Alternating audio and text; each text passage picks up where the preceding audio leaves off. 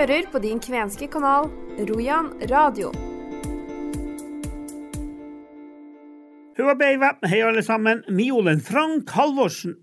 Jeg er klar for den siste sendinga i mars, og jeg ønsker selvfølgelig alle dere hjertelig velkommen til å lytte. I dag skal dere få høre hva stortingspresident Masud Gharahkhani sa etter at de missa under feiringa av Kvenfolkets dag på Stortinget. Ikke så stor miss, men likevel nok. Dere skal også få møte en ordfører som gjerne skulle vært kvensk, men er det ikke. Årets kven, Kjersti Felt Anfinsen, hun har et prosjekt hun kaller DJ Saunasatan. Mer om det får dere vite i dag. Vi skal tilbake til Skibotn i dagens sending, og vi skal også en tur innom Alta museum. Og dagens episode av Min kvenske arbeidsplass, den kommer fra Lakselv. Stortingspresident Masud Gharahkhani lovte en kvensk feiring av kvenfolkets dag den 16. mars på Stortinget, og det ble det på mange måter. Gharahkhani hadde nok likevel ikke regna med at det skulle gå litt i ball, der oversettere hadde blanda sammen kvensk og samisk, og at Rojan Gaiko, altså oss, plutselig var blitt en kvensk kake. Hva var det egentlig som gikk galt? Det kan stortingspresidenten sjøl fortelle. Altså Det ene er at Vi fikk jo en henvendelse fra en stortingsrepresentant som vi tenkte var, dette var bra, at det kom på dagsordenen. og Da bestemte jo vi også i presidentskapet at vi oppriktig ønsket å være med å uh, markere kvenske folket sin høytidsdag. Uh, og Det gjorde vi både med kvensk kake og kvensk litteratur i biblioteket. Og så sendte jeg en digital hilsen som jeg delte både på mine sosiale medier, og Stortinget gjorde det samme. Den kvenske kaka den heter Rojan Gaiko, sånn som dere skrev det. Jeg jobber visstnok i Rojan Gaiko. Hva du si til det? Ja. Nei, altså jeg skjønte at det ble en liten sånn eh, misforståelse eh, akkurat der, så det skal vi få retta opp til neste gang. Men oppskrifta var henta hos dere, så, så, det er godt å se at dere formidler veldig mye bra til hele Norge. Og samtidig så var det vel kanskje den største tabben, det var vel at det sto på sørsamisk en hilsen til kvenfolkets dag? Ja, det gjorde det. Det, det skal vi få sørga for å rette opp til neste gang, så det ikke skjer igjen. Ja, men hvorfor skjedde det? Kan man forklare det på noen måte? Nei, altså, jeg har ikke jeg hele oversikten over, eh, men eh, jeg tror rett og slett eh, det skjedde litt glipp der, men det skal vi få sørga for å bli retta opp til neste gang. Både kvensk stekake, og det skal bli digital hilsen og det skal bli feiring neste år. Og da skal vi sørge for at det blir riktig skrevet i kantina. Altså. Ok, Men 2024, la oss bare snakke helt kjapt om det. Hva du ser for deg? Kan de tabbene skje igjen, eller er det her et tilbakelagt stadium? Nei, altså Jeg er jo opptatt av at vi skal markere uh, høytidsdagen uh, deres. Uh, jeg har en tradisjon for at vi gjør det selvfølgelig når det er samenes dag, og vi skal gjøre det når det er kvenske høytidsdagen også. Så det, dette skal vi fortsette med, og det tenker jeg er viktig for å vise hele mangfoldet. Helt til slutt, Ble det flagga utenfor Stortinget på den 16. mars, eller? Nei, altså Stortinget og presidentskapet valgte å markere det på andre måter, som vi har nå diskutert. Hva skjer i 2024? Kommer det et kvensk flagg da, eller? Så får vi se litt på det, da, hvordan vi skal markere, men at det blir i hvert fall en uh, markering av kvensk høytidsdag, det skal jeg love at det blir. På Kvenfolkets dag ble Kjersti Felt Anfinsen tildelt hedersbetegnelsen Årets kven av Norske Kveners Forbund og Rojan Gaiko. Vi hadde et såkalt seiersintervju med henne i forrige uke, der hun bl.a. uttrykte stor glede av å ha blitt valgt blant 20 kandidater. I intervjuet snakka vi også om at hun var forfatter, men også DJ under navnet DJ Saunasatan. Her får dere høre mer om det hun holder på med.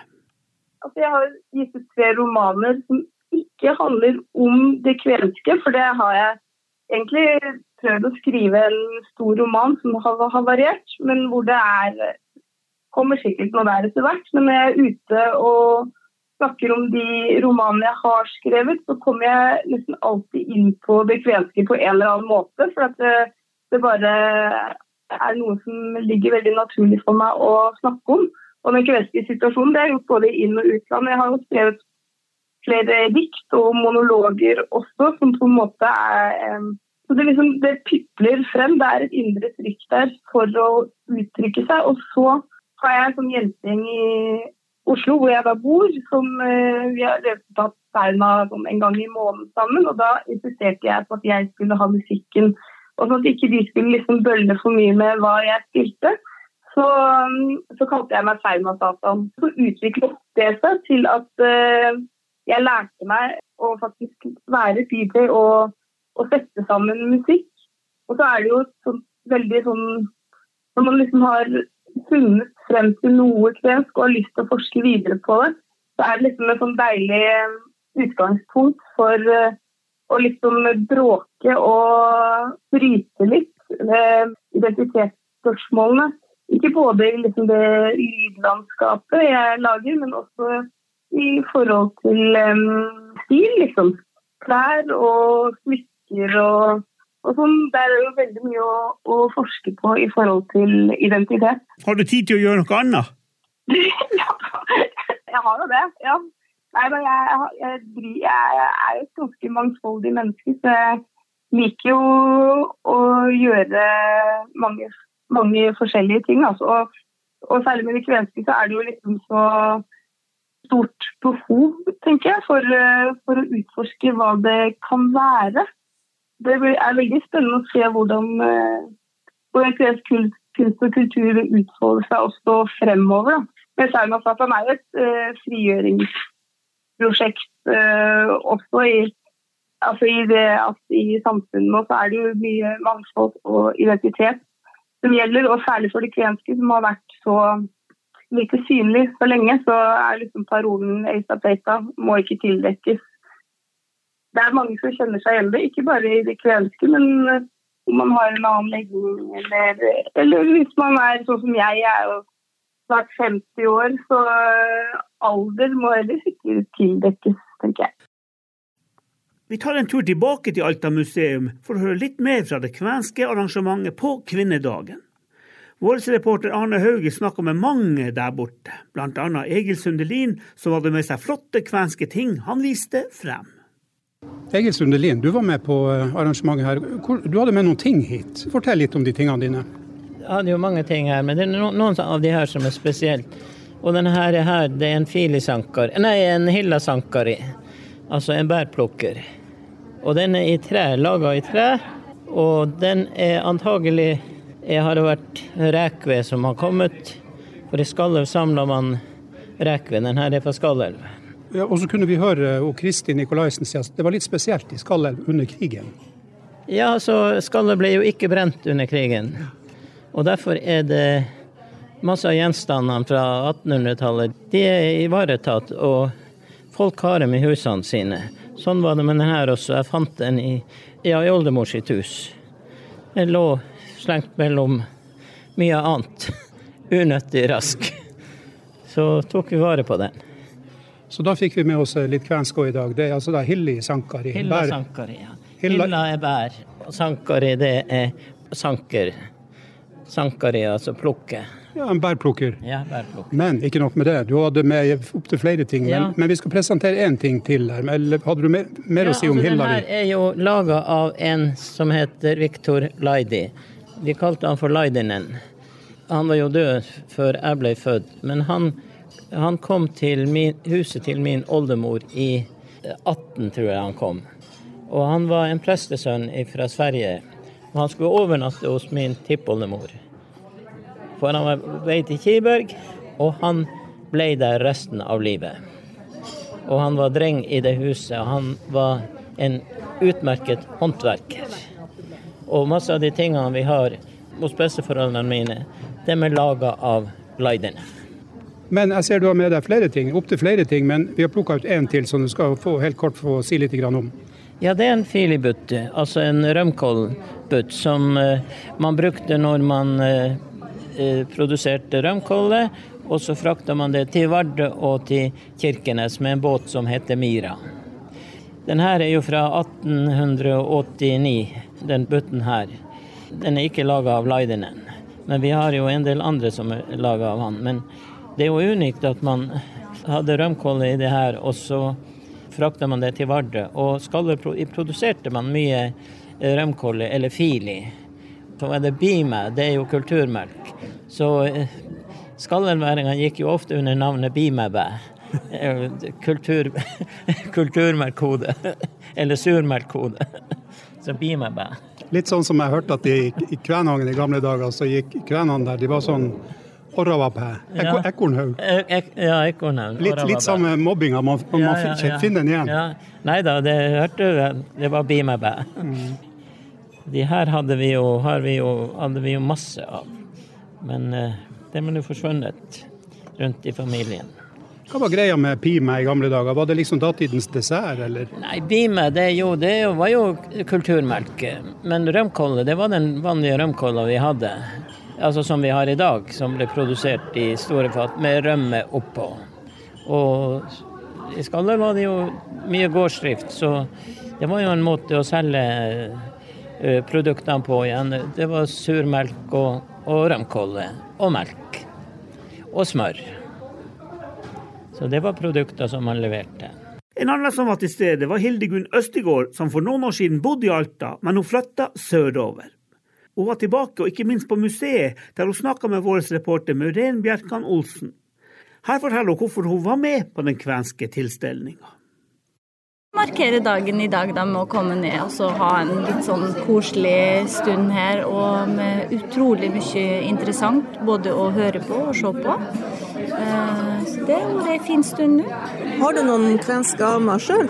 Nei, det har jeg ikke. Jeg har egentlig fått en veldig solid innføring i det kvenske gjennom Rune Sundelin og Kristin Nikolaisen, da, som er veldig gode venner. Så de passer på. Så til jul så får vi en kvensk ordbok, eller vi kan få ja, fine, fine ting. Så vi er under opplæring, vi. Og dere er under opplæring. Det er bra, da. Det er kanskje sånn at man blir aldri ferdig opplært lært kven? Nei, utlært blir man ikke. Men jeg, har, jeg kjenner jo veldig godt til det samiske. Både når det gjelder folk og tradisjoner og ja, håndverk, som det har vært mye fokus på i dag. Da. Eh, Men hvor du kommer fra? Opprinnelig fra Levanger i Inn-Trøndelag, men eh, bor i Isfjorden i Møre og Romsdal. Så der eh, har vi et lite økologisk småbruk. Og mm, der eh, foregår det jo litt forskjellig. Det er ingen eh, vanlig hage ut fra på en måte hagelagsstandard, eller den ganske sånn utradisjonell villhage, vil jeg si. Eh, hvor det har igjen vært liksom fritt utløp for eh, formsansen og leiken. Så det har eh, etter hvert blitt en ganske sånn innholdsrik og litt eh, eventyrlig hage, sier folk da. Eh, den har vært under etablering i mange, mange år. Så det begynner nå å se ut som noe som alltid har stått der. Og noe du har planlagt helt til minste detalj? Og Ja, og jeg liker veldig å kopiere ting som eh, jeg beundrer i naturen. Så det prøver jeg på en måte å både, både ha et naturlig liksom villdyrmiljø i hagen, så, så det skal være på en måte et naturlig biotop. Ja. ja. Så det er liksom vært Det er ingen Det er ikke noe kunstige kjemikalier i hagen. Det er det ikke. Det er så veldig naturhage. ja. Produserer dere noe mat også? I Du, eh, det som det eneste man kan kalle produksjon, er at jeg har, eh, har en stor blomsteråker. Mm. Så jeg produserer først og fremst eh, dahlia, georgina, som jeg gjerne bruker til fersk blomsterinstallasjon eller tørka blomster. Okay. Mm, så det, men igjen, på en måte det å holde på å jobbe med materialet, om det er tørka eller fersk, det er liksom alltid noe som har uh, vært tiltalende da, for meg. Så jeg jobber mye med både ull og skinn. som så gamle både konserveringsmetoder og sånt det har alltid ligget mitt eh, hjerte nært. da. Han er ordfører i Vardø og feirer kvenfolkets dag. Han skulle like å være kvensk, men er det ikke. Jeg heter Ørjan Jensen, og eh, jeg er jo veldig opptatt av eh, historie. jeg er Veldig glad i historie. Og, eh, men må dessverre si at jeg har ikke kvenske røtter. Men jeg har jo leita etter det. Eh, For jeg hadde jo håpa at, at min familie som har bodd i Vardø i rundt 200 år, at jeg hadde noen kvenske gener. Og, og for så vidt også samiske gener eller russiske gener. Så jeg tok en gentest faktisk for å prøve å finne ut om mot formodning kunne ha snekket seg inn litt eh, gener Men, men jeg ble litt skuffa fordi at jeg var vel 90% norsk og 10% tysk. Så jeg har dessverre ikke gener fra, fra, fra kvensk innvandring eller, eller verken samisk eller russisk. Da. Jeg hadde jo litt lyst til at jeg skulle ha litt av det, da, men det hadde jeg ikke. Nei, dessverre. Ja. Men alle kan ikke ha det. Nei, nei. Du kjenner litt til historien også med kvenene som kom hit. og jeg mener Siden du er her i dag og feirer dagen? Ja, altså jeg syns jo det er kjempeviktig at man, at man kjenner litt til historien til det samfunnet man bor i, der man kommer ifra, røttene til byen. For jeg tror at, at det er viktig å ta med seg.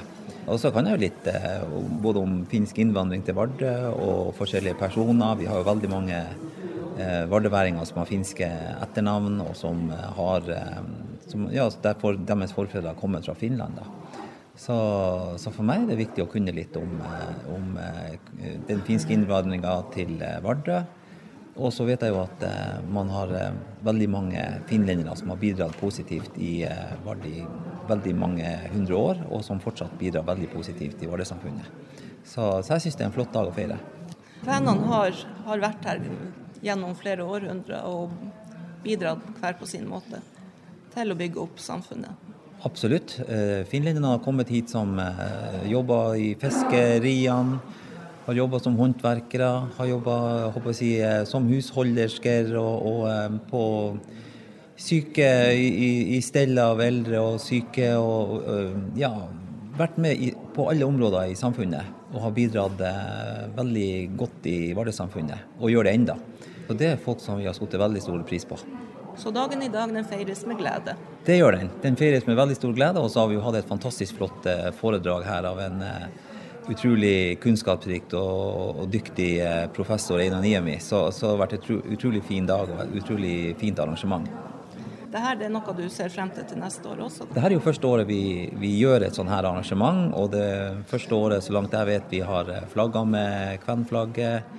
Og jeg håper jo at dette blir en årlig foreteelse, både med flagging, men også med arrangement der man kan gjøre enten sånne her type ting eller andre type ting for å feire dagen. Så det er første gang med flagging også? Ja, faktisk. Mm. Hvordan kom dere på at dere skulle flagge? Ja, det er jeg litt usikker på. Vi hadde ikke flagg. Og, og da ga jeg beskjed om at vi måtte kjøpe et eh, kvenflagg, eh, og at vi måtte flagge. Eh, og akkurat bakgrunnen for det er jo, som jeg sier, jeg tenker at historie er viktig å ta med seg når man bygger samfunn. Så det å markere en sånn her dag og sette pris på alle som er kommet hit, om, om, uansett hvor du er kommet ifra, det, det syns jeg er viktig. Så jeg har ikke noen bedre forklaring enn det, det er, enn at man på en måte feirer og tar vare på hverandre alle sammen. Vi tar også en tur tilbake til Skibotn, der Hottigården ble freda 16.3. Monica Dahl er fylkeskonservator i Troms og Finnmark. Hun syns dagen var fantastisk. Det fortalte hun til vår reporter Pål Vegard Eriksen etter at hun holdt en liten tale. I dag, 16. mars, markeres en viktig dag. Det er kvenfolkets dag. Og jeg vil benytte anledninga til å gratulere alle sammen med dagen. Kvenenes første bosetting i området går tilbake til 1600-tallet. Vi har akkurat hørt det fra nye kilder. Vi har forholdt oss til at det var 1700-tallet, men vi stoler på de nye kildene, så vi sier 1600-tallet. Men de fleste kvenene flytta til området på 1800- og tidlig 1900-tallet. Og de fleste de kom fra Tornedalen pga. uroligheter og vanskelige levekår. Kvenene ble på linje med samene utsatt for fornorskning, og kultur og språk har vært på tur å gå tapt. Et stort og viktig arbeid er lagt ned, og legges fortsatt ned, for å bevare både språk og kulturen. Og dette er et arbeid som må fortsette fremover. Vi er på Hottigården i Skibotn, som akkurat nå er under fredningsmarkering. Og Monica Dahl, du er fylkeskonservator fra Troms og Finnmark fylkeskommune. Fin dag i dag, mye folk. Hva du tenker om dagen i dag? Ja, nei, Det har vært en fantastisk fin dag i dag. Det at vi endelig er i mål og at nå Hottigården er freda, er jo en stor dag i seg sjøl. Men at vi også fikk det til å ha den markeringa her på Kvenfolkets dag, ga jo en ekstra dimensjon. Og på toppen av det hele så fikk vi jo et fantastisk fint vær. Så det har vært en veldig vellykka dag, og dagen er ikke over enda heller. Og det er godt besøkt, og folk forsyner seg nå med, med god mat og drikke. Eh, prosessen fram mot i dag, kan du si noe kort rundt, rundt den? Ja, eh, det har jo gått en del år her nå. Fra man starta opp og, vurderte Hottigården som et mulig fredningsobjekt. Og her har jo eh, eh foreninga som eier gården vært helt vesentlig i det arbeidet. Det arbeidet stoppa litt opp fordi at kommunen hadde noen planer om å etablere et industriområde der på nedsida av veien her, der hvor det naustet som nå er blitt freda, ligger. Og Det gjorde at man la planene litt i bero. Og Så ble det til at kommunen de gikk bort fra de industriplanene, og da starta man opp med fredningssaken igjen. Og da tok man jo inn også naustet som ligger på nedsida av veien, og et område rundt. Så da har man jo på en måte det komplette anlegget som, som, som står i dag i fredninga. Er det andre prosesser på gang nå i Troms som dere er involvert i, da? Ja, altså når det gjelder kvenske kulturminner, så er det et uh, høyt prioritert område for uh, fylkeskommunen. Vi uh, har meldt oppstart på fredning av Nergården i Lyngen. Så det er den neste som er på lista nå for fredning. En fredningsprosess er ganske omfattende, og det tar lang tid, så det er ikke godt å vite når vi er i mål. Eh, men vi driver også med å kartlegge eh, eh, kvenske kulturminner generelt i fylket. Og vi ser også på områder sånn som Midt-Troms, hvor vi ikke har noen freda kvenske objekter. Og for øvrig ellers. Og vi ser også på andre typer kulturminner, som tjæremiler f.eks. Så vi skal gå i gang med et videre kartleggingsarbeid og, og, fortsette det. For vi ønsker å få på plass enda flere fredninger.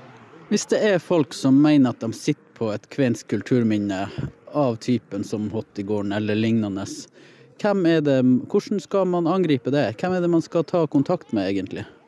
Ja, jeg synes jo det, Folk kan gjerne ta kontakt med kulturarv hos eh, fylkeskommunen. Det er vi veldig interessert i å få mer informasjon.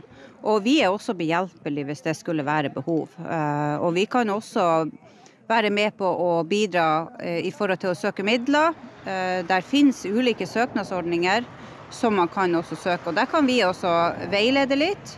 Og ikke minst man kan se på også det at vi får kartlagt, og, og kanskje det dukker opp noen mulige fredningsobjekter også. Så det setter vi gjerne pris på å bli kontakta.